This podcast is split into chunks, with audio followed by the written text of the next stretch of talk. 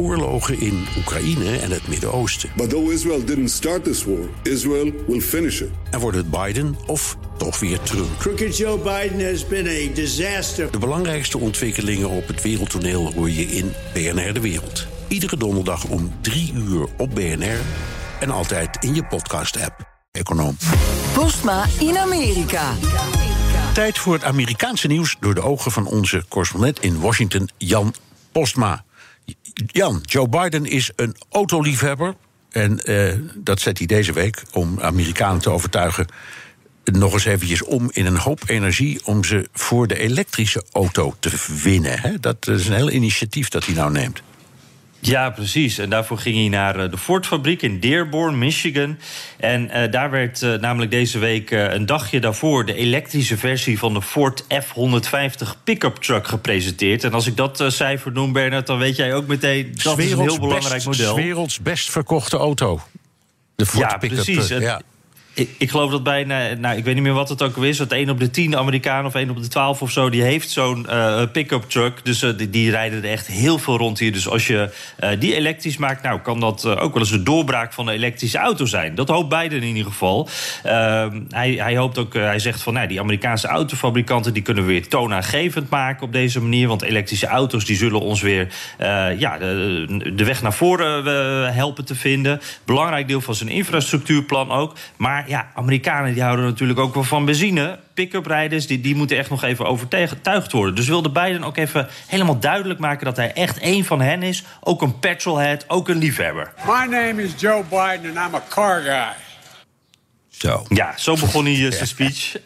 dus meteen duidelijk, niet echt subtiel. Maar ik moet ook wel zeggen, je merkt ook wel dat hij het leuk vond. Hij, het is echt een interessante mix van oprechte liefhebberij... en een politicus die, die zijn hobby ook gebruikt voor zijn boodschap. Ja, ik, ik heb hem ook wel eens zien rijden. Ik geloof in zijn eigen Chevrolet Corvette. Een prachtige oude sportwagen. Hij is een autoliefhebber, hè? Ja, precies. En die auto, inderdaad, dat speelt echt een, een hoofdrol ook in zijn verhaal eigenlijk. Dat is echt ook een, een onderdeel van zijn politieke persona. Hij heeft een paar van die onderwerpen die komen altijd weer terug. En, en dit is er één van. Uh, een, een Chevy Corvette Stingray. Nou, dat is inderdaad een fantastisch mooie auto. Een hele mooie klassieker. En hij kreeg die auto van zijn vader bij zijn trouwen. En die auto heeft hij altijd gehouden. I love this car. Nothing but incredible memories. Every time again, I think of my dad and Bo. God, can my dad drive a car? Oof. The thing I like most is the setup right here. And you feel like you're in complete control. This is just bold. Ja, ja. Ja, je ja. hoort het. Hè? En ja. in die auto zit dus veel van Bidens verhaal ook. Hè? Zijn vader, de loyaliteit die we van Biden kennen... herinneringen met zijn zoons, Bo Biden noemt hij... Uh, die overleden is natuurlijk. Maar zelfs deze Chevy, of, of, juist misschien wel moet ik zeggen... is echt een onderdeel van zijn politieke verhaal. Dus, ja. Want deze auto speelde ook de hoofdrol in een verkiezingspotje. En daar kwam dit fragment ook uit. Ja, ik, uh, ik, ik moet even, één vlot, ik kan niet denken... een van de problemen die een Amerikaanse president heeft als hij aftreedt, is dat hij van zijn leven nooit meer zelf auto mag rijden. Staat, ja, in, de, staat ja. in de Amerikaanse wet. Nou, jammer voor hem dus, hè? Maar goed, oké. Okay, hoogtepunt voor Biden was een ritje met de elektrische F-105, de elektrische pick-up truck, op een lege parkeerplaats. En daar viel hij even uit zijn rol. Ja, ja, want jij noemde het al. Hij was uh, bijzonder opgewonden erover. Hij mocht uh, in die auto rijden. En hij mist dat uh, enorm. Als vicepresident kon hij dat al niet. nou, nu kan het helemaal niet meer. Het mag niet van de Secret Service. Hij noemt dat ook het grootste nadeel van zijn baan. Dus toen hij even mocht, toen was dat natuurlijk een fantastisch fotomoment. Want als president in een pick-up truck... dan ben je ook echt even... kan je laten zien dat je heel gewoon bent gebleven. Maar hij genoot er ook echt van. Hij had het er steeds over hoe snel die auto wel niet ging. Trok steeds hard op voor de journalisten.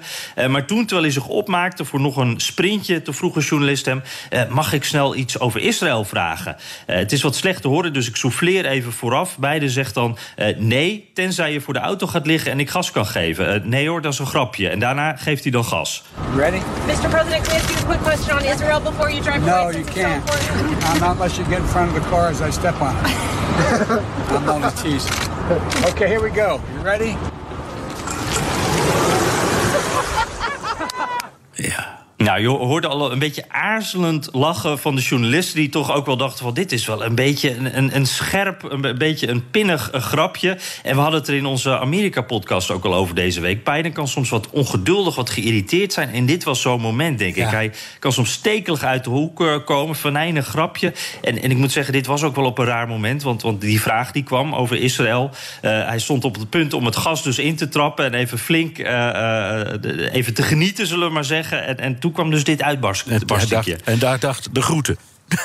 ja, okay. precies. Ik ben weg. Ja, dankjewel. Jan Posma, correspondent in Washington. Wilt u meer horen over dat fascinerende land? Luister dan naar de podcast. Jan had het er al over. Van Jan en mij staat net weer een nieuwe online. Tot zover BNR De Wereld. Terugluisteren kan via de site, app, Spotify of Apple Podcast. Reageren kan via mailtje naar dewereld.bnr.nl. Tot volgende ook Bas van Werven vind je in de BNR-app. Ja, je kunt live naar mij en Iwan luisteren tijdens de ochtendspits. Je krijgt een melding van Breaking News. En niet alleen onze podcast Ochtendnieuws, maar alle BNR-podcasts vind je in de app. Download nu de gratis BNR-app en blijf scherp.